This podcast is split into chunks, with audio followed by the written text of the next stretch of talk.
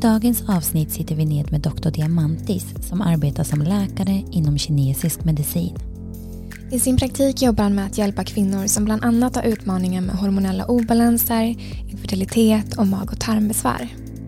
Vi diskuterar hur vi kan minska stress genom att leva i vår sanning, hur olika beteendemönster har en inverkan på hormoner och hur vi kan skapa förutsättningar för kroppen att läka genom livsstil och arbete med vårt inre. Vi djupdyker också i vilken typ av mat som är fördelaktigt för att må bra och även hur värmande och kylande mat kan ha en inverkan på vår menscykel.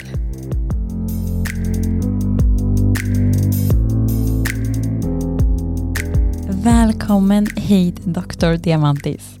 Tack så hemskt mycket. Det är så fint att ha dig här. Ja. Det är min ära. Ja, alltså vi har sett fram emot det här avsnittet så, så, så länge. När jag fick förfrågan, det var så kul för att jag vet ert stora arbete som ni gör för att just hjälpa alla tjejerna att vakna upp till er styrka. Och det var så här, självklart så måste jag vara med på det här. Det känns som Ja. Och idag, idag känns det som att i VS-boken skriver vi jättemycket om, om en livsstil och hur det har en påverkan på menscykeln. Ja. Idag känns det som att vi kommer gå ytterligare en dimension och verkligen ja, men få mer en förståelse för hur tankar, känslor och vårt inre har en påverkan på vilka symptom som vi kan uppleva ja, men under menscykelns gång. Ja, jag brukar säga att vi kommer beröra det lite från det energiska perspektivet. Så vi tänkte börja med den första frågan vi ställer till våra gäster. För vi tror någonstans att vi alla är här ja, men på ett mission. Ja. Att det finns ja, men någonting som vi älskar att göra och som vi brinner för lite extra. Ja. Så vad skulle du säga ja, men är ditt mission just nu? Det är en jättebra fråga. Jag ser ett mission som någonting dynamiskt. Det är inte någonting statiskt. Som också för oss igenom livet i olika typer av kapitlar. Så när jag var yngre så var ju basketen mitt mission då. Vilket också förändrades och då blev det då de akademiska studierna för min egna del. Som sedan just nu har blivit att hjälpa andra på olika sätt och vis. Och det intressanta är att det finns en fortsättning. Och jag, så, jag är själv lika taggad på att upptäcka det som många andra. Men just nu så är det just att, att hjälpa. Det är ganska enkelt. Jag tror att det är många som är det och försöker bara upptäcka på vilket sätt. Mm. Mm. Mitt sätt blev väldigt naturligt. Från min egna story till hur jag kunde hjälpa mig själv, så som många andra, till att sedan kunna hjälpa andra. Mm. Mm. Och det där är liknande. Men det brukar ju oftast vara så att antingen kommer man från det här att ja, men man själv har haft en utmaning och man läker sig själv och sen så vill man sprida den ja, kunskapen, visdomen, erfarenheten vidare till fler. Ja, precis. Mm. Jag ser det ibland som att det livet styr dig till ett ställe eller område där den tvingar dig att vakna upp. För Mm. att någonstans börjar man att lite ignorant eller arrogant, jag skulle mer ignorant, att man tror att man är den här personen, individen som ska klara av så mycket och göra så många saker. Så det finns också en så här viktig känsla att jag är viktig och jag måste klara av allt det här. Och sen någonstans så leder livet en genom alla symptom, alla svårigheter. Det är som att livet säger, ah, ah, ah. det här är inte vad du ska göra. För det här är inte ditt liv. Mm. Det är lika di- lite ditt liv som ditt, ditt andetag. Och så på det sättet så är det nästan som jag brukar säga Pachamama, Moder Jord som säger genom oss, det är jag som har gjort dig, du är mitt barn. Du tror, inte, tror inte att det här är ditt liv. Så på ett djupare plan så har vi alla, så som du säger, en mission. Men sen på ett ytligare plan är det så här, hur ska vi manifestera det här och hur ska vi uttrycka det? Ja, det är det. Wow. Fint. Ja. Mm. Alltså jag blir så nyfiken på att höra mer om ditt mission och det här du var inne på precis innan när du pratade om ett energiskt perspektiv. Ja. Vad, vad innebär det? På, ett, på det energiska perspektivet då, då är det väldigt mycket tankarna, hur mycket, vilken laddning, tankar och känslor. Men också bakom det intentionen. Så det intressanta är att när jag träffar en person så kan de säga fina saker.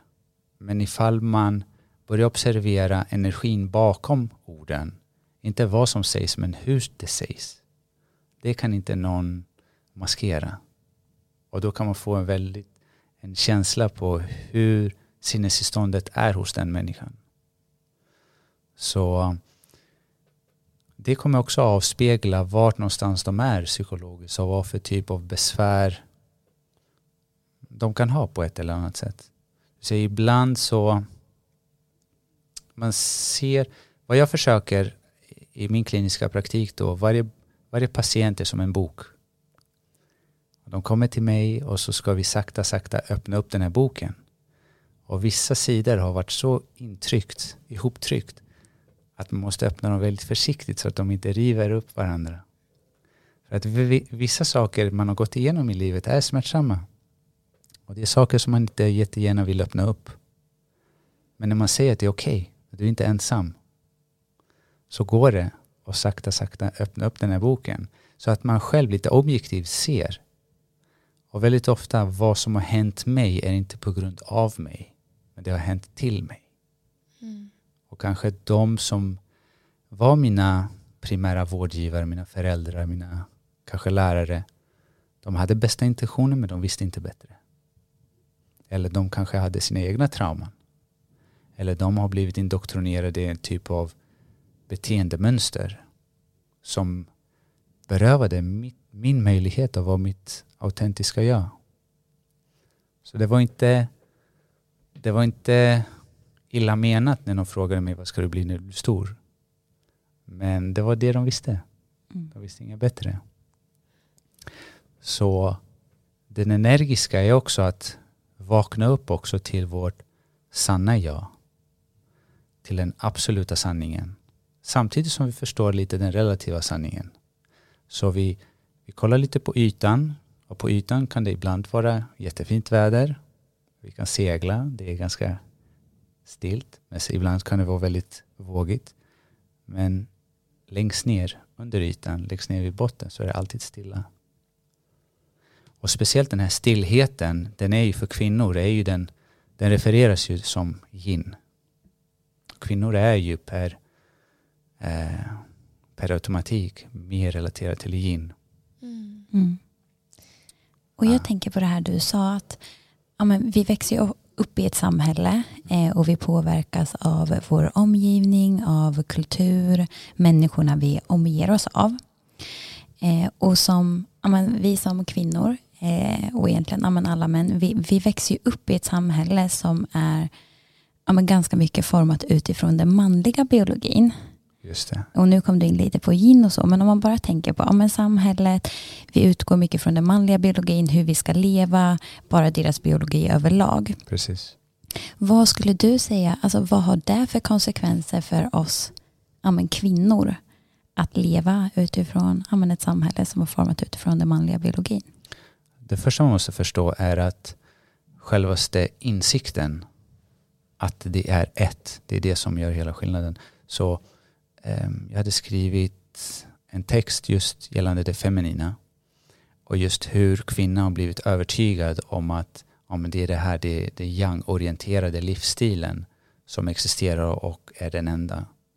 Och när man tappar bort det andra, den yin-orienterade som mer inåt och mer till ro, vilket också är mer komplett och heligt. Det är då man inser också, man tillåter ett utrymme för att kunna känna. För att man är mer kopplad till sina känslor, sin intuition och sin magkänsla. Och det är det som blir berövat från när man är liten, när man inte får vara sitt autentiska jag. Och sedan genom livet blir man indoktrinerad i just det här patriarkaliska beteendemönstret. Som är det evigt rastlösa, det dominerande. Medan kvinnan och yin är mer mjukt och det är mer formbart. Som du skulle bara förklara för de som kanske inte är helt insatta i till exempel yin och yang. Vad karaktäriserar yin? Och yin är egentligen ja, men, den feminina energin. Skulle, Precis. Mm. Feminina hormonerna. Det är mer att man är inåt, man är till ro. man är komplett, man är helig. Ah. Och vad skulle du säga yang, det maskulina, vad karaktäriserar det? Vi skulle säga att det är lite mer utåt, det är mer rastlöst, sökande. Men inte sökande i en form av uppvaknande, ett sökande mer av bekräftelse. Ett sökande i tron om att det inte är komplett. Mm. Ah. Inte ett sökande i en form av att upptäcka mitt, min storhet, min unikhet. Och vad händer när man då lever mer i yang som kvinna? Så om vi ser att hela mänskligheten, att det är ett stort spektrum från yin till yang, så ser vi också att eh, det finns, det är inte bara könsorienterat, men det är energiskt orienterat. Så vi har också män som är väldigt mycket yin och vi har, mycket, vi har också vissa kvinnor som är väldigt mycket yang. Men man, generellt sett så säger vi att kvinnan är då mer yin. Männen är mer yang och de är utåt och de är rastlösa och de ska... Ja, jag brukar ge det här exemplet att mänskligheten migrerade från Afrika över till Europa och så kom vi upp till Alperna och så kollar man upp stora, stora bergen och så hade vi de här äh, väldigt yang-orienterade unga männen som bara inte kunde låta bli att säga mamma kan jag få kolla vad som finns på andra sidan? Evigt lastlösa, evigt sökande utåt. Medan kvinnan var, vet du vad, jag tror att vi stannar här nere, jag tror det blir bra här. Och, och det här behövs. Det är inte att det ena är bättre än det andra. Vi behöver hela mångfalden för att det är det som skapar det unika med mänskligheten. Men vad som har hänt nu är att vi, de sökande eller de, de externa som kan ha flera startups i sitt huvud och de kan stressa utan att det blir på bekostnad av deras, deras hälsa. De har inga problem med det, men i dagens samhälle, hur det är format utifrån ett socialdarwinistiskt perspektiv, så är det de som får all belöning. Mm. Och så tittar vi tillbaka på det andra spektrat, vilket är ja, det feminina och kvinnor då, och säger men vad då ska du bara hemmafru och vara till ro och lycklig som du är? Ska inte du bli någonting? Och så har vi övertygat att vara mer yang-orienterade utåt och måste ha karriär och måste ha bra betyg. Och det är därför vi ser också en majoritet som doktorerar på Karolinska. Majoriteten är kvinnor. Just också för att kvinnan är mycket lättare att manipulera in till det snälla flickan-syndromet. Det finns ett, tyvärr ett väldigt tragiskt ordspråk på grekiska. Och det heter att snälla flickor dör först. Just för att man berövar sin möjlighet att vara sitt autentiska jag. Om man lever ett liv där man hela tiden ska vara behaga andra, leva upp till andras förväntningar, aldrig säga nej och så vidare. Och eftersom man går emot sin sanna natur så kommer det, det bli på bekostnad av sin egen hälsa. Mm. Ja, men som jag förstått det så är det ju också många kvinnor som kommer till dig eh, i din klinik som har utmaningar kopplat till just det kvinnliga, till menscykeln och har den typen av utmaningar. Eh, vad, vad är de vanligaste problemen man kan se alltså är en konsekvens av att man lever mer i yang? Så vad som händer då när man blir övertygad att man inte är tillräcklig och därifrån måste man hela tiden prestera och bli någon. Den tron, den fundamentala tron att jag inte är tillräcklig och bra nog, det kommer sätta sig som en form av stagnation eftersom sinnet har stagnerat i det förflutna. När man är stagnerad i det förflutna, då är det nästan som att det händer i samband med att, jag brukar kalla det för brytpunkten. Och brytpunkten är att som jag är inte jag tillräcklig och därav måste jag bli någon eller något. Och det som får utrymmet det är ju egot.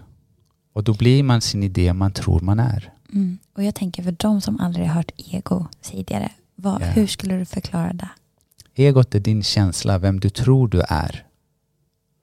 Det kommer från grekiskan vilket betyder jag. Mm.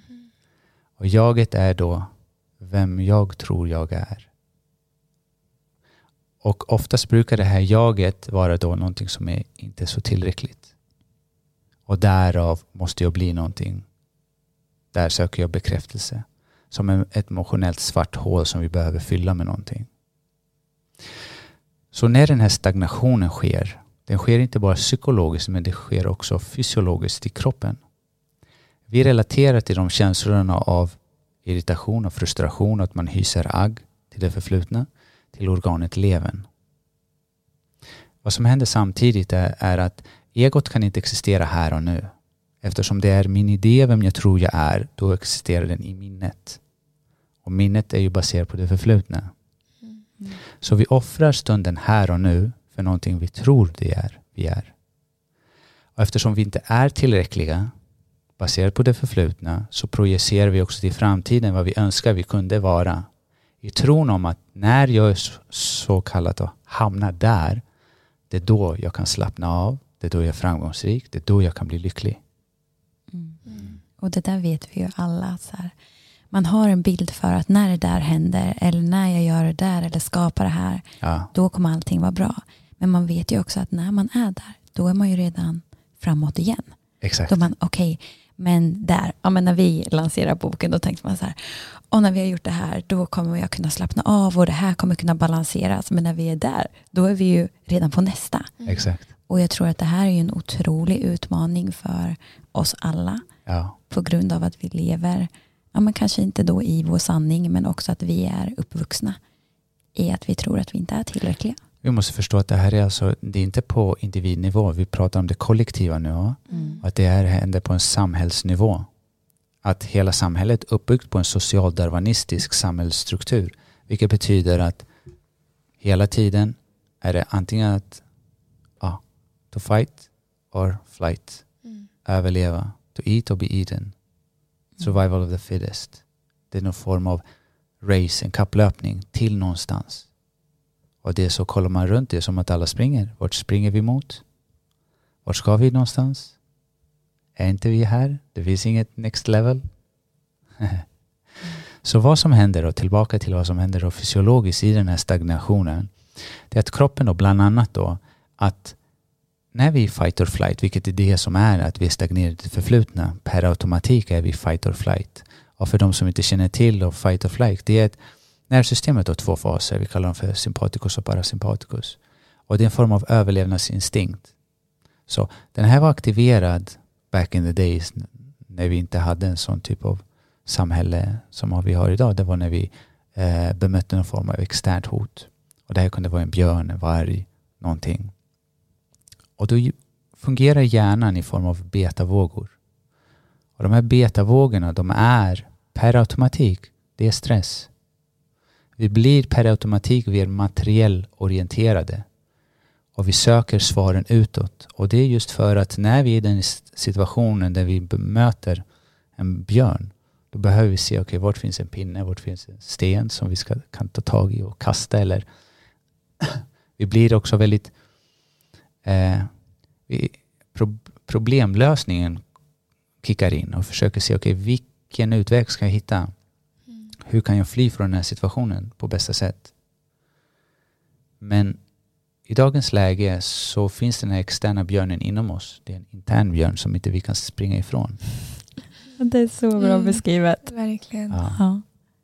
Och ibland så kan det också vara, ifall vi kommer från en dysfunktionell uppväxt med eller utan trauma, så kan den björnen också vara i vissa fall en förälder som ställer för höga krav, som hela tiden är där.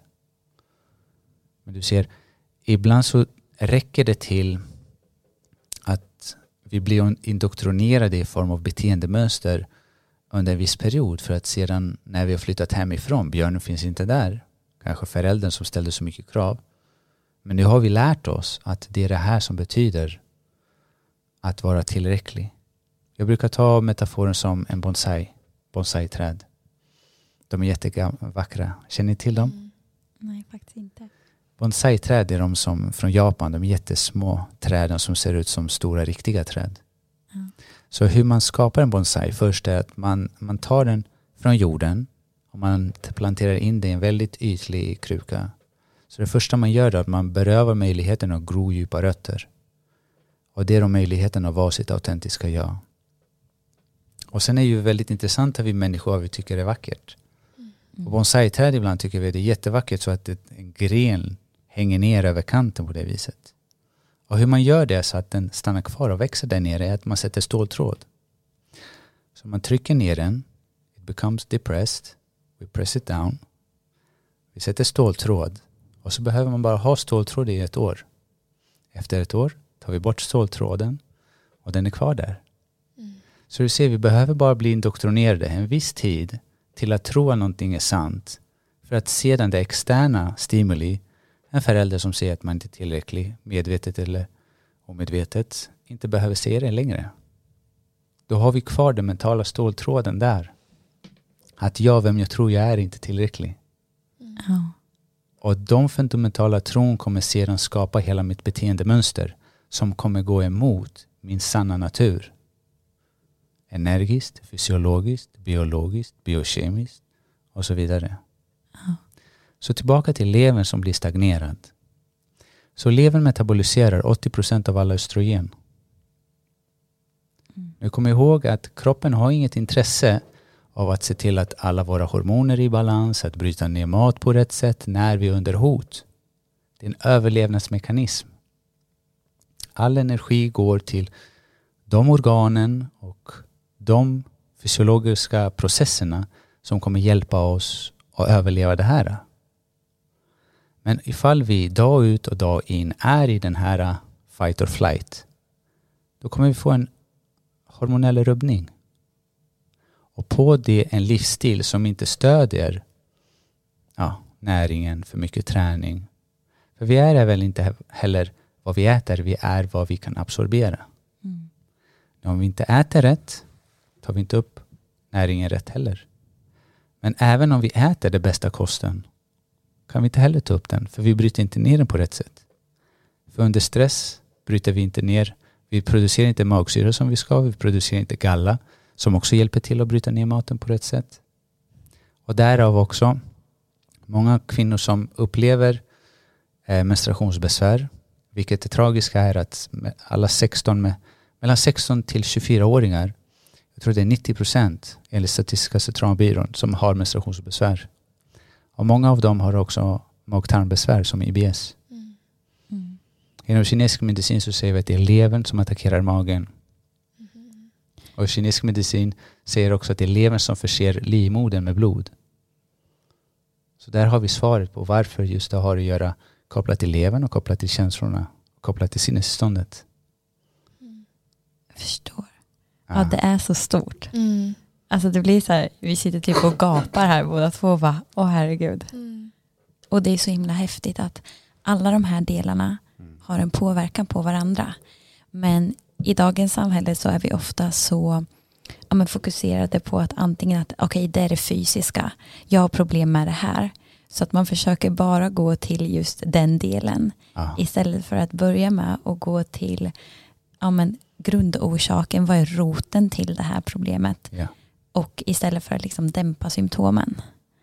Kolla, båda är, sann. Och det, ibland så, jag brukar dela in dem från den relativa sanningen och den absoluta.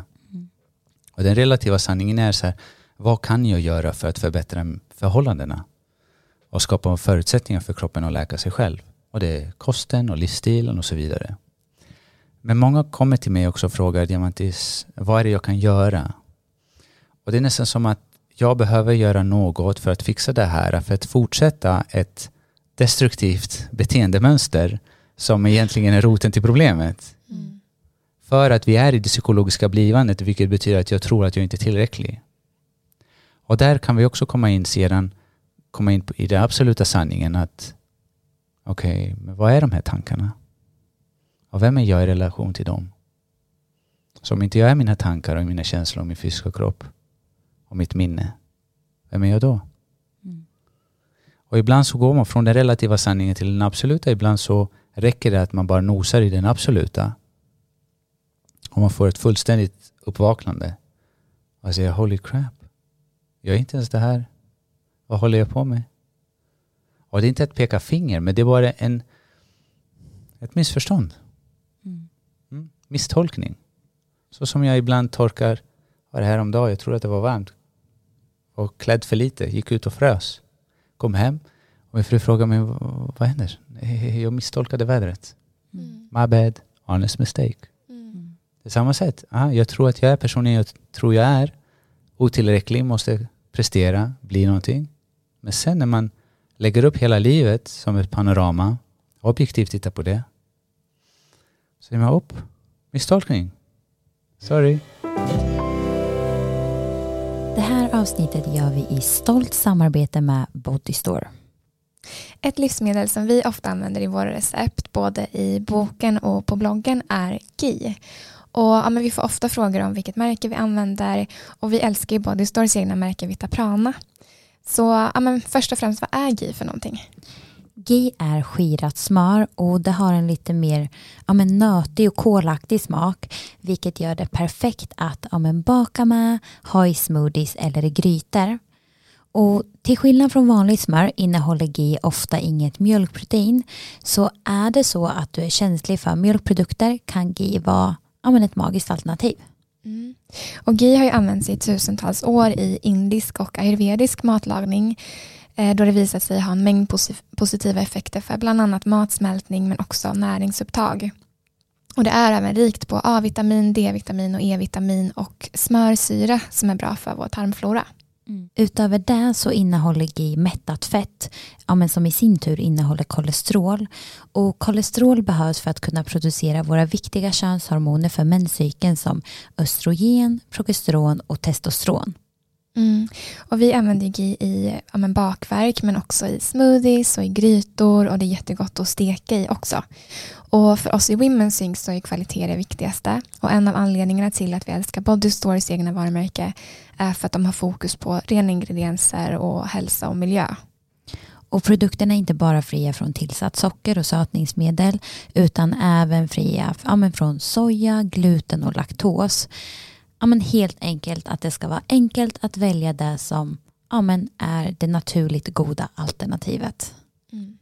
Och I och med samarbetet med Body Store så har vi en rabattkod till er. Om ni uppger koden WomenSync20 så får ni 20% rabatt på allt från Vitaprana på bodystore.com. Och det här erbjudandet gäller från och med nu och en månad framåt. Tack så mycket Bodystore. Det här avsnittet är sponsrat av Wear Labs och eh, det Wearlabs är är en typ av hälsokontroll där man mäter sina värden genom ett blodprov. Mm. Och jag älskar hur Wearlabs beskriver att de tror att människor med rätt kunskap kan påverka sin hälsa genom livsstil. Och det här är ju exakt i alignment med Women's Sync och ja, men vad vi står för. Ja, verkligen. För deras mission är någonstans att hjälpa människor att få koll på ja, hur ens kropp mår på insidan. Ja.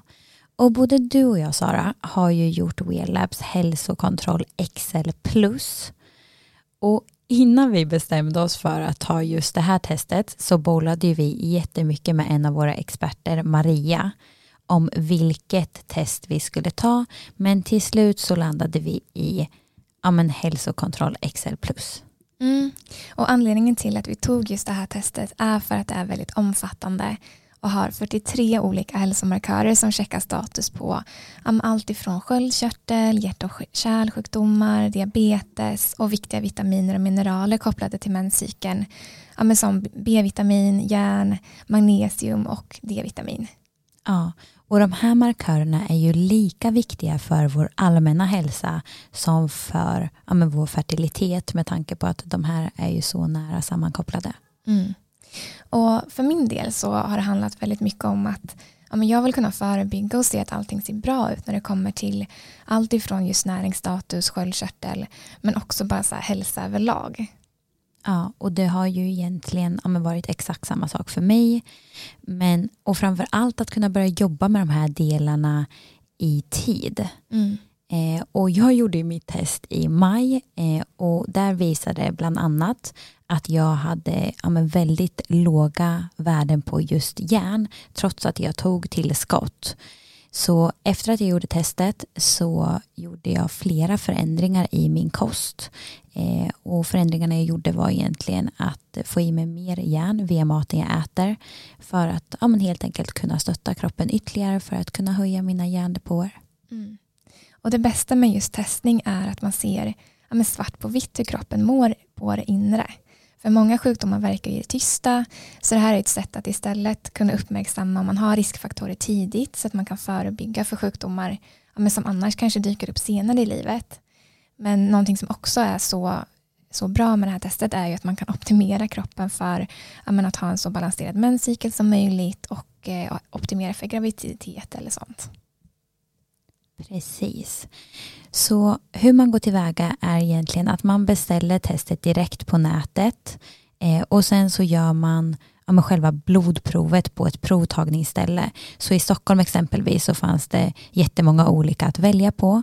Sen så går man bara dit och eh, ja, men det här var ju typ klart på tio minuter. Mm, det gick jättesmidigt. Och från det att man har gjort själva testet så får man provsvaren inom 48 timmar. Och i de här provsvaren så får man kommentarer från en läkare och sen en sammanfattning i slutet på vad testet visade. Vilket ja, men, ger liksom en bra eh, överblick för det kan vara ganska svårt att förstå vad markörerna visar annars. Ja, och vi tycker att WearLabs är en fantastisk tjänst eh, och har ju själva använt den innan vi ja, valde att göra det här samarbetet tillsammans med dem. Och vi är så himla glada att vi har förmånen att dela en rabattkod med er som vi önskar att vi hade haft när vi beställde de här testerna. Så använd rabattkoden WomenSync eh, i ett ord med små bokstäver för 10% rabatt. Tack WearLabs. Så egentligen, så, alltså om man ska kolla på typ den grundläggande orsaken, då blir det någonstans att vi försöker ja, vara någon som vi inte är. För att vi har tagit in de här intrycken och hur man ska vara, vad man ska göra. Det är liksom det vi har vuxit upp i och tro. Att jag behöver göra de här sakerna eller jag behöver vara den här människan för att vara någon. Exakt. Eh, och det här i sin tur skapar olika ja, men beteendemönster. Exakt. Eh, men också en bild för att okej, okay, jag ska bli den här för att eh, det här är framgångsrikt. Eller att eh, jag ska träna på det här sättet eller äta på det här sättet eller leva på det här sättet. För att då är jag värdefull. Exakt. Eller det är framgång. Och när vi gör det så lever vi på ett sätt som kanske inte är ja, sant för oss själva. För vi alla är olika så vi kommer ju behöva olika saker. Mm. Så vi lever på ett sätt som inte är sant för oss själva. Vilket i sin tur skapar olika obalanser. Och det här kan vara, vara både emotionellt men det kan också vara fysiskt i form av olika till exempel mensrelaterade besvär eller Precis. hormonella obalanser. Ja. Så det är egentligen där det börjar och så det kommer till uttryck. Fråga era följare en fråga. Hur många av er blir er IBS och menstruation bättre under sommaren när ni är på semester? Mm. När man helt fullständigt kopplar ifrån jag har hört det här om och om igen. Mm. Och det är just för att man kommer ifrån den här uh, cykeln eller ekorrhjulet. Mm. Och man får den här psykologiska avslappningen. Och då kan energin flöda som det ska. Då kommer man över från fight or flight till här och nu. För att sinnet får så många nya leksaker. Mm. Nytt ställe. Man är inte där och grottar vad som hände förut. Så sinnet blir mer utåt. Oh, kolla på det här, nya ställen, nya stränder, nya frukter, nya träd, nya träd. Alltså. Wow. Ja, men där, det kommer du in på så här verktygen. Att hur gör man för att ja, man hittar det där för att vara mer i sin sanning. Ja. Att ja, men under semestern då kan man slappna av och då kan det komma naturligt. Men vad kan man göra om man inte kan ta semester till exempel? Jag förstår. Det här? Jättebra fråga. Så i den relativa sanningens synpunkt så, så pratar vi om hur. Hur är ett jättebra verktyg. Och hur indikerar, för att så har vi lärt oss, eller hur? Hur ska vi lära oss? Hur ska vi optimera? Hur ska vi förbättra? Och då um, är det ett verktyg som vi kan använda oss av. Så först och främst, andas. Det är vad vi gör mest av. Andas rätt. Eller hur? Väldigt många överandas. Mm. Vad betyder det? Det betyder att vi andas, toppandas och vi ventilerar ut för mycket koldioxid faktiskt. Vi är beroende av koldioxid. Vi måste ha åtminstone 6 koldioxid i lungorna. För det är det som gör sedan att syret, syremolekylerna från hemoglobinet som är i de röda blodkropparna kan sedan släppas och vi kan få um, syret in till vävnaden i kroppen. Det är därför vid panikångestattacker när någon hyperventilerar, mm. man svimmar på grund av syrebrist. För att man har blåst ut, ventilerat ut all koldioxid så um, eh, hemoglobinet håller fast vid syremolekylerna i röda blodkropparna. Så all syre är fast i blodet men i cellerna finns det ingen syre. Så börja sakt, andas lite saktare genom näsan alltid. Vi äter och pratar genom munnen, andas genom näsan. Ja. Bra riktlinjer. och då börjar man med dagen, man börjar med andningsövningar. Har du någon övning till exempel som du bara, men den här börjar varje morgon med. Är det bara att du sitter ner eller har du någon speciell andningsteknik eller övning som du verkligen gillar och har fastnat för? Jag tror det första och viktigaste är att man börjar. Mm. Nu, vad jag gör, det är en helt annan sak. Mm. det, det var, som är viktigt är att man börjar. Bara börja med fem minuter, bara sitta, observera din andning. Men väldigt ofta så, så kan man också se till att man andas så pass sakta att man nästan känner ett, ett behov av att andas lite mera. Att man kommer ner till de frekvenserna. Att man förlänger också. Och man gör det saktare och saktare. Så ett andetag, man kan börja med fem sekunder andas in och fem sekunder andas ut. Sen kan man förlänga det till 10, 15, 20. Så att man kan man sedan bara andas en gång per minut. Då måste man ju vara, man kan inte vara stressad och andas bara en gång per minut. Det är tvärtom, man kommer ner till en otroligt djup avslappning, psykologisk avslappning och fysiskt. Det säger sig självt, eller hur? Mm. Så det, är bara, det kan vara en bra början. Wow. Magiskt, fem minuter. Mm. Det har vi.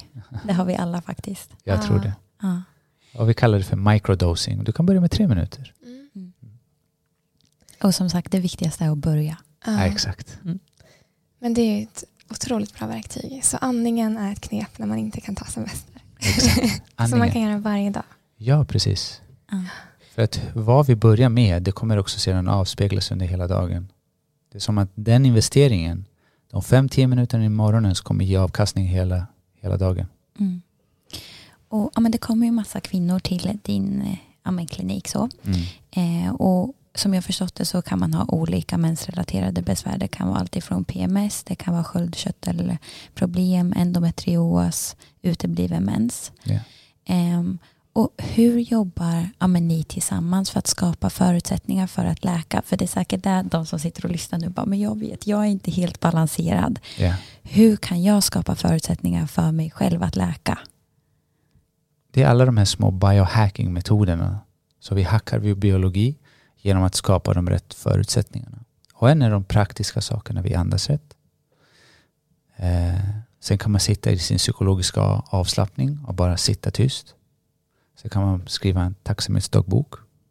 Du kan skriva, du kan säga affirmationer. Du ser vad allt det här egentligen gör, det får över ditt nervsystem från fight or flight till här och nu. För det är endast när vi är här och nu, det är då kroppen kan läka och fungera som den ska. Det är det vad vi menar med att skapa förutsättningarna. Mm. Och det är ju ett sätt att säga, okej, hur ska vi få över nervsystemet hit? Men sen, så som jag brukar berätta, jag har ju till och med personer som kommer från yogavärlden som har en studio, två, tre och fyra. Och de kommer till mig och de säger, ja, jag gör allt det här. Och jag säger, varför gör du det här? Jo, för att jag är i fight or flight. Men varför är du där in the first place? Varför är du där till att börja med? Och då kommer vi in till den mentala frukosten, den mentala dieten. Vilka tankar konsumerar du?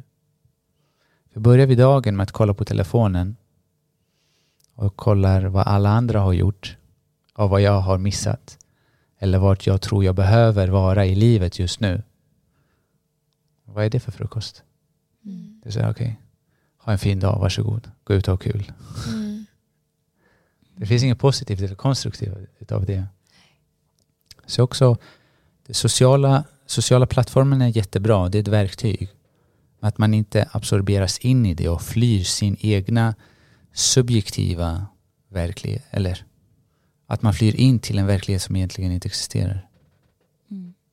Så om jag förstår dig rätt, för att skapa förutsättningar för att läka Mm. så handlar det någonstans om att gå från liksom görandet och allt det till att verkligen ja, men komma in i sig själv och mer ja, men bli avslappnad. Att hitta verktyg för att bli avslappnad. För det är när vi är avslappnade Precis. som vi kan läka. Precis. Och den absoluta sanningen då, vilket man kan också komma därifrån, det är, det är ju att det det, inte, det finns inget jag som ska gå tillbaka till mig själv. Jaget är illusionen. Och insikten kommer tillåta att jag hamnar i medvetandets säte att vem jag är, vilket är bortom tid och rum, bortom namn och form, är vem jag alltid har varit. Och jag kan inte inte vara det. För att vem jag tror jag är idag är inte vem jag tror jag var för tio år sedan. Min idé vem jag tror jag är har förändrats. Kroppens form har förändrats. Men trots det finns det någonting konstant. Och det är just den här känslan av att jag finns, jag existerar. Mm. Om man har utmaningar med sina tankar, om man har svårt att släppa de här ja, idéerna om vem man är eller vem man ska vara. Vilka verktyg är det då? Är det liksom affirmationer eller vilka verktyg tycker du är mest kraftfulla? Jättebra fråga. Och det finns lite olika och olika verktyg passar olika bra till olika personer. Man kan på ett sätt bara ta ett papper och skriva ner. Vad är det jag vill? Vad för typ av karaktär? Vad vill jag åstadkomma? Om man skriver det som nu-form. Inte jag önskar i framtiden nu. Men nu. Och så lägger jag upp det i kylskåpet. Och det vill jag kolla på varje dag. För att när vi upplever det internt, du ser, sinnet vet inte skillnaden om vi tänker det eller vi har upplevt det. För hela vår upplevelse händer inom oss oavsett. Även nu när vi sitter här, ni tror att ni ser mig där jag sitter, men ni ser mig inne hos er. Så det, det är det som är det vackra med livet. Att vi kan skapa, vi kan nästan börja programmera om vår mentala infrastruktur innan vi upplever det. För att sedan skapa förutsättningarna. Och ett av dem är just att bara skriva ner det. Mm. Det andra är att börja väldigt objektivt titta och bara lyfta på frågorna. Väldigt, bara lyfta upp frågan, vad är alla de här tankarna för, för något? Vi vet att vi tänker ungefär 60-70 000 tankar per dag. 90 procent av dem, och, och, vi är ju inte alls medvetna om alla dem, tack och lov. Annars hade det varit, vi hade varit körda för länge sedan. Och, och 90 procent av alla de tankarna vi blir medvetna om är ju samma tankar som igår. Och det förflutna finns ju inte, det är ju dött. Mm. Och framtiden, vilket vi projicerar och önskar. Jag har i alla fall aldrig träffat någon som har upplevt framtiden. Framtiden kommer aldrig. Eller hur? Det enda som finns är här och nu. Så, så på det här sättet så kommer det skapas en förändring i perspektivet till hur vi relaterar till tankarna. Du ser, en tanke är varken bra eller dålig. Och det är inte så att vi ska döda något ego. Det är ingen kamp. Men det är bara att se för vad det är.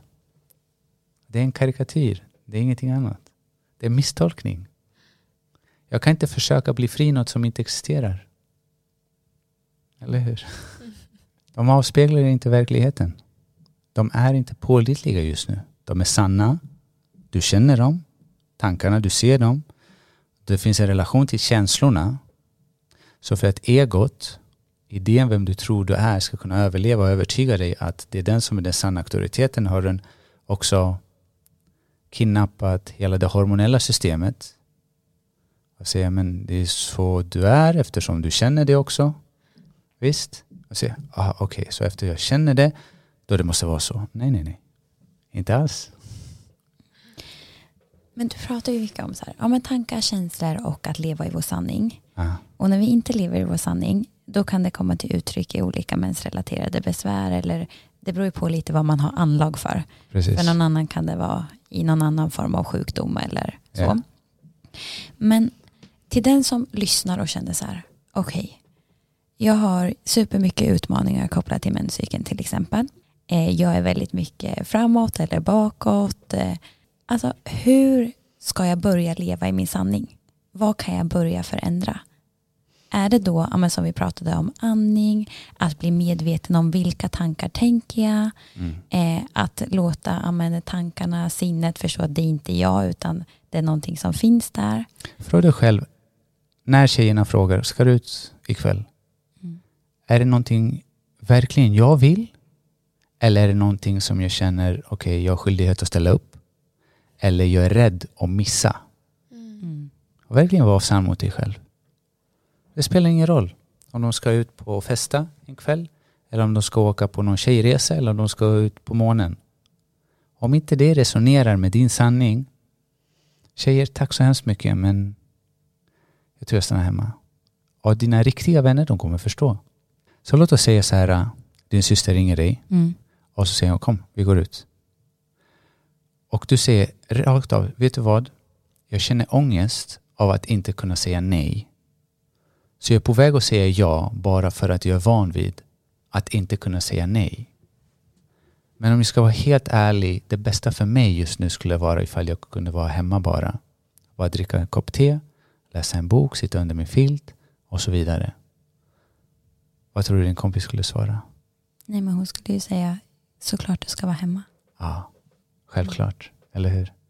Så det viktiga blir ju egentligen att när vi är sanna mot oss själva och autentiska och Ja. vågar stå upp för det, Mm. då kommer ju andra människor förstå. För Exakt. de vet också att det kommer från hjärtat. Exakt. Och de, alltså människorna runt omkring oss vill ju att vi ska må bra. Exakt. Mm. Och det där också systerskapet kommer ifrån va? Att en syster hjälper den andra. Och förståelsen. Mm. Och inte döma eller snacka skit. Ja. Oavsett vad det må vara. Ja, så att leva i sin sanning egentligen. Hur börjar jag? Det är någonstans att börja lyssna på den inre rösten Precis. man har inom sig. För att alla vi har ju en inre röst. Men sen så kanske vi har inte varit så bra på att lyssna på den. Så för att, ett, vi måste börja lyssna och sen är det bara öva och följa den rösten. Jag skulle säga först förstå att du inte haft möjlighet. Ah. Så ditt, att ditt autentiska jag blev berövat innebär också att hur du kände, vad du ville, det var inte relevant. Tillbaka till den här bonsaien.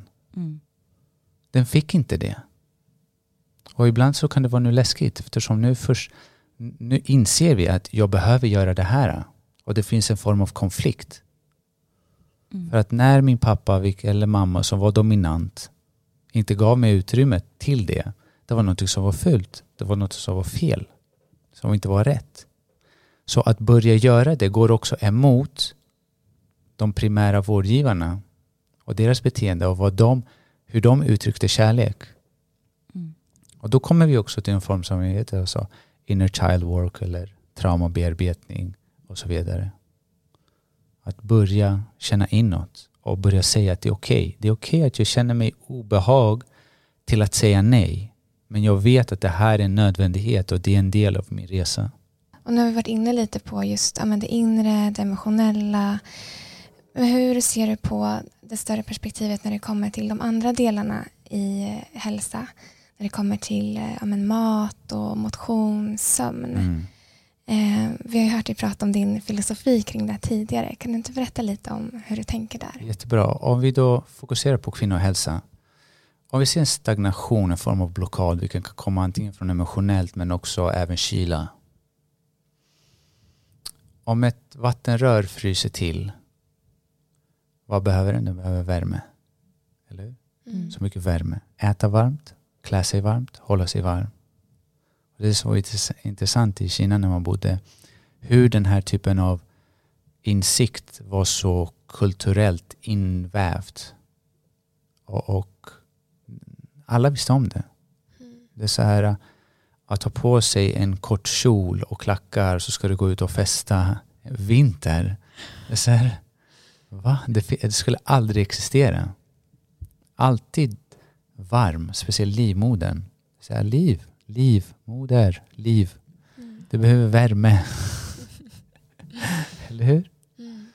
Så mycket värme. Mycket äta varmt och dricka varmt. Både i temperatur men också i energi.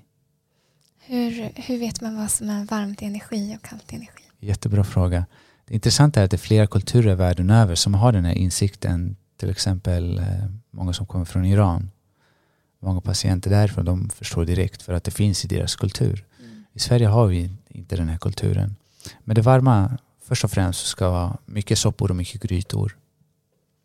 Och vi kan ta ett livsmedel för sig till exempel. Ingefära, varmt eller kallt?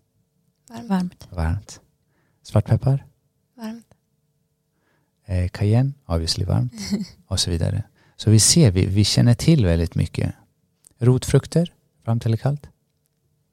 Jag skulle säga varmt. Ja, neutralt till varmt. Ja. Mm. Kött, varmt eller kallt? Jag vet faktiskt inte. Varmt, Varmt, rött kött. Fisk, kall. kall. Gud, jag känner ju direkt att jag dras till allt som är varmt och inte till... Alltså vi är ju motsatser där. Ja. Ja. Men jag har ju också förstått att jag behöver ju mer Varmt. värmande. Ja. Mm. Jag har ju någonstans lärt mig att äta ganska mycket kallt. Mm. Men jag vet också utifrån min, mina utmaningar med utebliven mens Ja. och vilket i sin tur har liksom påverkat sköldkörtel och allting så vet jag att är det någonting jag behöver så är det framförallt värmande mat. Exakt. Så där har jag ja, men verkligen förändrat nu ja, men senaste året. Ja. Så från när jag började på naprapathögskolan, jag hade stort intresse när det kom till nutrition och jag läste jättemånga olika typer av böcker skrivna av läkare, forskare gällande nutrition. Allt från ätningsdieten till hela vägen till andra aspekter som kan vara mikrobiologisk, eh, mikrobiotisk kost, veganskt, vegetarianskt och så vidare, zone diet och allt däremellan. Så jag tror att jag visste väldigt mycket. Jag var vegan i sju år sakta sakta började jag få symptom som menade på att jag har för mycket kyla i kroppen och i magen. Men eftersom jag trodde att jag visste, ju mer man tror man vet desto mer arrogant blir man egentligen. Vilka var det för symptom du fick som var tecken på kyla? Om, om vi tänker, vi, det var jag började bli lös i magen, lätt att bli uppsvullen i magen, kall om magen. Det är nästan som att jag ville hålla om min mage för det var kallt. Och någon enstaka gång med någon form av kramper, du vet, som man viker ihop sig. Och man vill hålla om magen. Det är alltid tecken på att det är för mycket kyla. Men eh, så när jag åkte över till Kina och hade ett samtal med en av mina professor så berättade han, ja men eh, okej, du kan allt gällande nutrition och jag kan varenda argument till varför man bör äta veganskt. Men min hälsa gick åt helt fel håll sen såg jag också att, och, och det är inte så att jag förespråkar antingen det ena eller det andra. För mig det finns inte en diet. Och det finns inte en diet för en specifik person heller. För vad du bör äta under sommaren är inte vad du bör äta under vintern. Vad du bör äta när du är 25 bör inte du äta när du är 55. Vad du bör äta i början av menstruationen är inte vad du bör äta i slutet av menstruationen. Hur som helst. Eh, och så insåg, förstod jag att det finns den här varmkalla aspekten. Så jag, han sa till mig, han utmanade mig, han var prova. Och det mest yang värmande, men också som jag också balanserar mig in, är, är lammkött. Så jag började äta lammgrytor som jag gjorde själv och så såg jag att mina mag-tarmbesvär blev mycket bättre. Så många flickor idag så, som äter mycket växtbaserat och även äter man då växtbaserat eller äter man veganskt är det inte automa, automatiskt att man är 100% i, du vet, nyttig. Bara för det man kan äta chips och man kan äta massa annat skräp. Men eh, många studier har gjorts i Florida och i Kalifornien där, vi, har- där det är varmt. Du får mycket värme utifrån. Du får mycket yang-energi utifrån. Du behöver inte äta så mycket. Så, så finns det då istället flickor i, i Sverige som är så långt norrut under vintern och äta mycket kall mat som råsallader och så sashimi på det som också kallt på kallt på kallt. Och så går ut och festar och dricker en drink med is. det är så här, du blir en isbit. Ja. Och så frågar man, fryser de händer och fötter? Ja, jag fryser. Ja, men det är inte så konstigt vännen. Mm. Och så måste man bara värma upp kroppen. Man måste få upp temperaturen i kroppen. Så ett tips kan vara om man upplever de symptomen Ja, så kan ja, men äta vä- värmande mat och framför allt ja, men livsmedel som också är mer varma. precis. Är det i några situationer som man ja, men borde äta mer till exempel kall mat, alltså kylande? Självklart. Okej. Mm. Ja. Oftast vi brukar säga, vi kan generalisera. De som är väldigt kall och sann kyla Mm. och så har vi också sann hetta. Mm. Sann kyla det är en, låt oss säga typiska, nu generaliserar vi, men en em, smal, blek, tonårig flicka, um, utebliven mens eller menstruationssmärta, men också IBS, lös i magen, em, mycket möjligt kanske huvudvärk, migrän, stresskänslig, har inte lust med mycket, du vet. Bara sitta hemma och finns ingen energi alls, finns ingen metabolism. Där behöver man börja värmande. Och I andra spektrat så har vi den här lilla, lite eh, överviktiga arbetaren som bara svettas under vintern. Byggarbetaren som är utomhus och man ser honom med shorts och t-shirt. Och man tänker, herregud människa, fryser du inte? Han bara, svettet bara rinner och de går och dricker typ en kall läsk utomhus mitt på vintern. Du vet. Det är för mycket hetta i dem. De bör äta bara växter. Mm.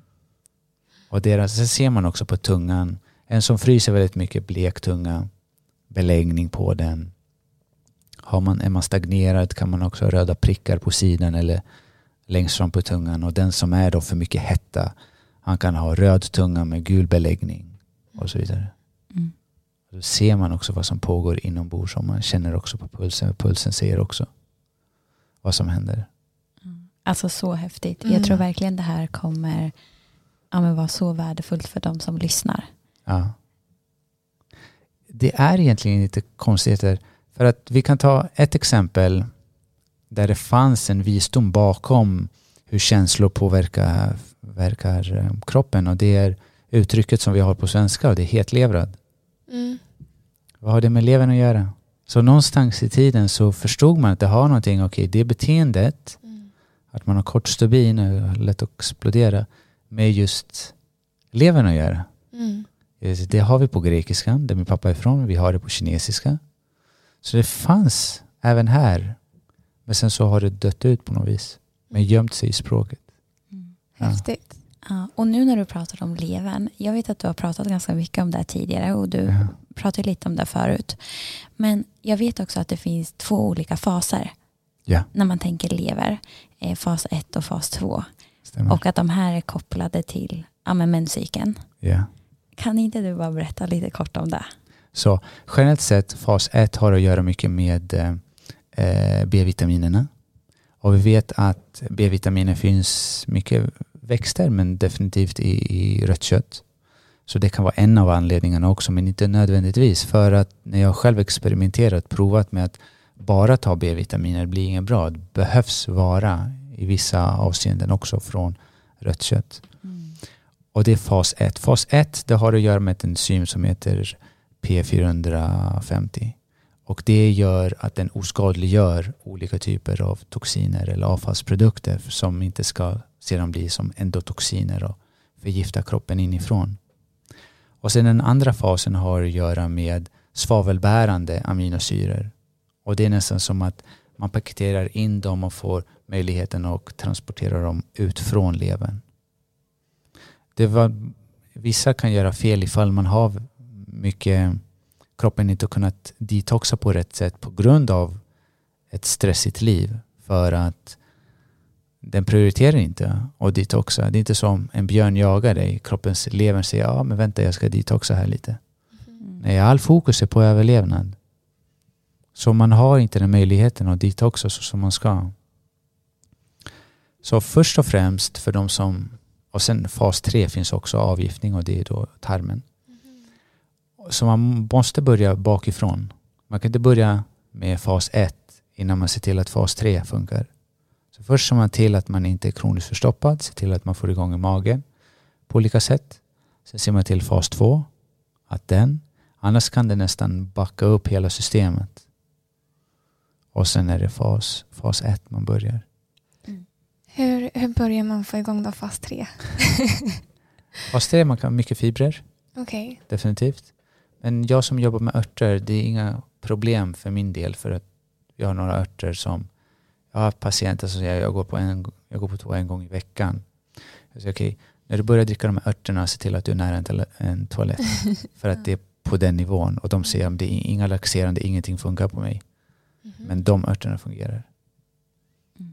Och sen har vi då jättemånga olika typer av, av örter som främjar då leverns förmåga och avgifta sig. Men är örter någonting, för de örterna som du jobbar med kan jag tänka mig lite starkare eller lite mer komplexa. Ja. Men finns det någon typ av örter, alltså som örtteer eller något sånt man själv kan ja. dricka till exempel? Absolut. Eh, Jag kommer göra, vi håller på att arbeta nu och eh, få en, skapa en plattform där man kan faktiskt gå in och köpa färdiga standardiserade recept och en av dem är, kommer vara mot IBS eller menstruationsbesvär. Just för att man inte behöver vänta ett halvår, ett år och komma till mig. Då kan man prova med det först. Samtidigt så lyssnar man på er. Och så lär man sig själv vad man kan göra för att hjälpa sig själv. Och på det sättet kan man då påverka och skapa de, de bästa förutsättningarna för att kroppen ska kunna läka sig själv och fungera som den är gjord att göra. Mm. Ja, det ser vi fram emot. Ja. Mm. Verkligen. Och om man bara så här, för jag vet att många ställer den här frågan, okej, det finns idag liksom ett väldigt stort överfokus på mat och vad ska jag äta? Mm. Och om man bara skulle liksom göra det enkelt, att så här, om vi kollar på näring och kost för vad det är, Ja. vad skulle du ge för tips? Alltså mer så här riktlinjer, att hur ska man tänka när det kommer till mat? Super. Jättebra fråga. Jag har jätteenkelt svar. Riktig mat. Mm. Okej. Mat som fanns innan industriella revolutionen. Inget mänskligt påhittande. Ingen sojayoghurt, ingen havremjölk, inga konstiga neonfärgade dryck. Ingen konstig förpackad typ av mat. Bara riktig. Ser jag det här, ser jag att det här har växt någonstans, ser jag att det här har sprungit någon gång fram och tillbaka, jag äter det. I soppor och grytor. Mm. Wow. Ingen socker, ingen mejeri, ingen vete. Varför ingen socker? Men vi behöver inte ens gå in på det. Vete, gluten idag, det finns så mycket mer gluten i varje vetekorn än vad det fanns förut. Och den är proinflammatorisk, så de som inte tål det, som har redan en irriterad, ja, men låt oss säga slemhinna eller system, kommer reagera emot det. Mm. Och inte nog med också att det finns så mycket glyphosate i produkterna idag. Kanske inte vete producerat i Sverige såklart inte. Men det gömmer sig mycket från den, i den internationella marknaden som kommer från länder där man tillåter det. Som kommer i produkter. Tyvärr det är en dirty business. Mm. Ja. Och sen så har vi mejeriprodukter. Så vi ser, att, vi ser inte att ingen människa på hela planeten inte ska äta. Vi har hela Indiska halvön som har, hur många har inte en kossa i ba, baksidan av huset? Mm.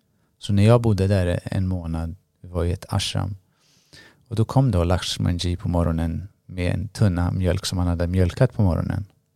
Och då kokade de den och så drack vi. Inga konstigheter. Mm. Men den mjölken med ja, den mjölken som finns här i Sverige, det är inte samma mjölk. Det är helt annorlunda. Så bara för att ge ett exempel. Först separerar man fettet från övriga komponenterna i mjölket och sen bestämmer man, okej, vad, bara för att göra det kort. Så om man sedan säger, okej, den här mjölken ska vara 3% fetthalt och så lägger man in, varför blir det inte så att fettet ackumulerar på ytan? Är det för att man spräck, spräcker eller spränger alla, alla molekyler via att man utsätter det vid stort tryck. Så att inte den här äh, skillnaden skapas så som om vi skulle hälla in olivolja i den bägaren med vatten. Kroppen vet inte vad den ska göra av den här mjölken. Så här, ska jag ta det här? Ska jag ut? Vad ska jag göra? Jag förstår inte. Vad är det för något?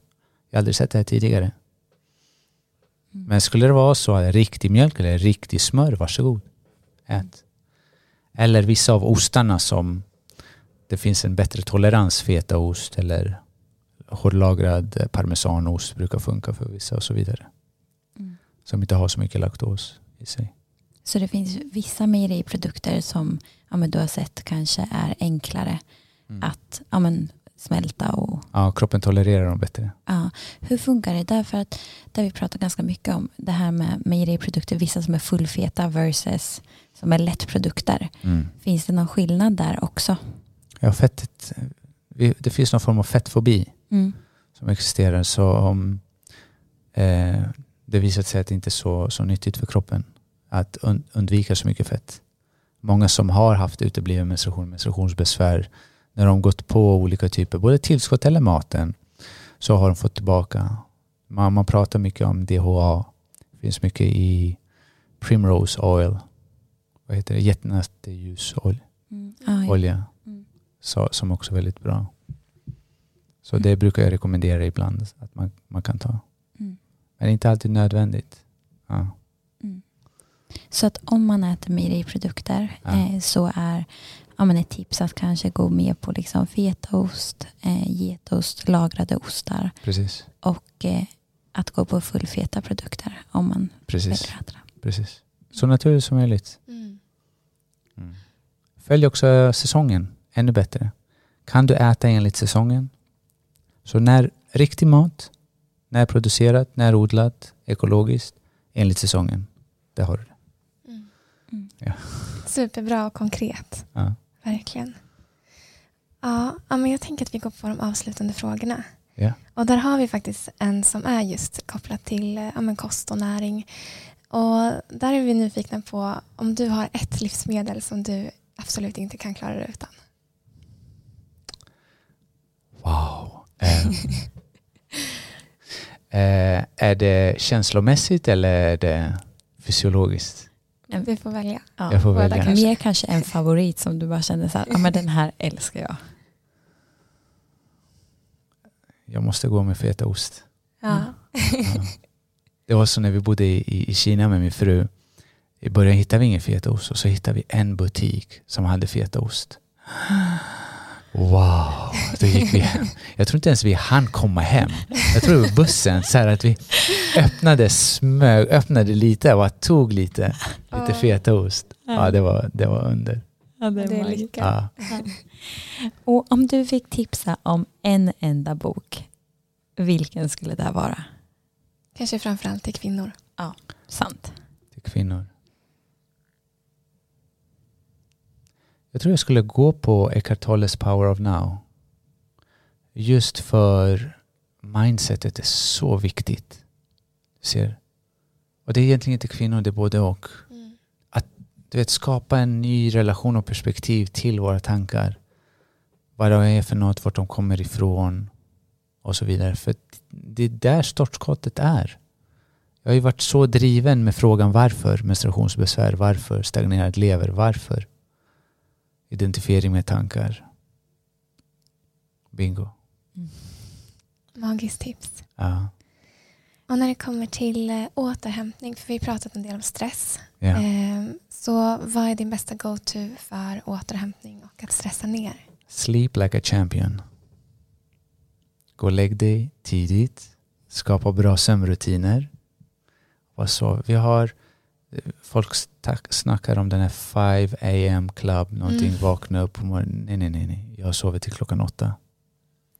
Hela, både jag, vi samsover, jag, min fru, min dotter. Till klockan åtta. Ah, utvilad varje dag. Härligt. när går du och lägger dig då ungefär? Eh, Jag går allt mellan runt 11. Tjejerna går lite tidigare. Jag går runt 11. Så jag får mina nio timmar. Mm. Kinesisk medicin säger halv elva borde du varit i sängen. Mm. Mm. Vi har också olika energikanaler som påverkar. Och speciellt kanske också många tjejer upplever det här um, i relation med menstruationsbesvär och, och IBS. Sömnbesvär, vaknar runt tre tiden. Antingen en halvtimme innan eller efter. Återigen stagnerad lever för det är då leverns energikanaler som är mest aktiv. Som ska detoxa egentligen. Bling vaknar man. Så intressant. Ja. Ett annat sätt att se man kan ha räfflade fingrar, äh, naglar. Tumnageln. Det kan också vara en indi- indikation på stagnerad lever. Mm. Mm. Ja. Coolt. Eh, och sen till sista frågan då. Ja.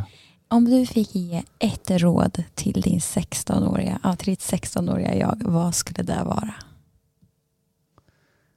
Chilla. Bara ta det lugnt. Var, tro inte att du är så viktig. Så väldigt lättsamt och tragikomiskt.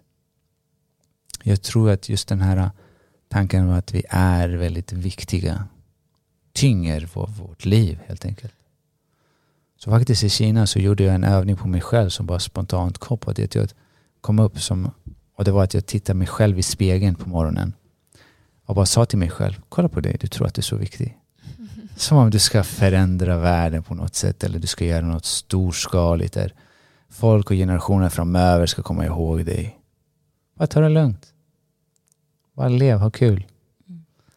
Och inte ha kul och lev på ett anarkistiskt sätt. Att man går bananas. Men bara ha kul. Mm. Mm. Vilka fina avslutande ord. Ja. Ha kul, chilla. Ja, verkligen. Vi är så tacksamma för det här samtalet. Vi har lärt oss så mycket. Ja, verkligen. Jag kommer lyssna om och om igen på det här. Ja, och det känns så himla fint att kunna sprida ut den här kunskapen och ditt budskap till så många fler. Tack så hemskt mycket tjejer. Ni gör ett fantastiskt jobb. Så fortsätt göra vad ni gör. Tack. snälla. Och detsamma. Ja. Tack. Vi vill bara passa på att lyfta vår nya produkt Chica Roast. Och det här är en så efterlängtad produkt för alla oss som vill minska på vårt koffeinintag och har letat efter ett alternativ till kaffe. Ja, för vi har ju faktiskt ja, men vi har letat och letat efter ett alternativ som ja, men skulle påminna om kaffe i smaken men som inte rubbar våra hormoner och inte urlakar kroppen på ja, men viktiga näringsämnen. Och Chica Roast blev helt enkelt svaret på vårt sökande. Ja, och Chica Roast är gjord på 100% ekologisk cikoria-rot och har en smak som påminner om kaffe med rostade och nötiga toner och samtidigt har en hint av ja, lite choklad och sötma. Mm, den är verkligen ja, men så god. Eh, och vi vet ju hur viktig ja, men den första koppen kaffe är på morgonen för ja, men många av er. Och nu har vi äntligen hittat ett alternativ som toppar kaffe. Ja, verkligen. Och vi hoppas att ni är lika taggade som vi på att testa den här produkten och eh, ni hittar den på vår hemsida womensync.se.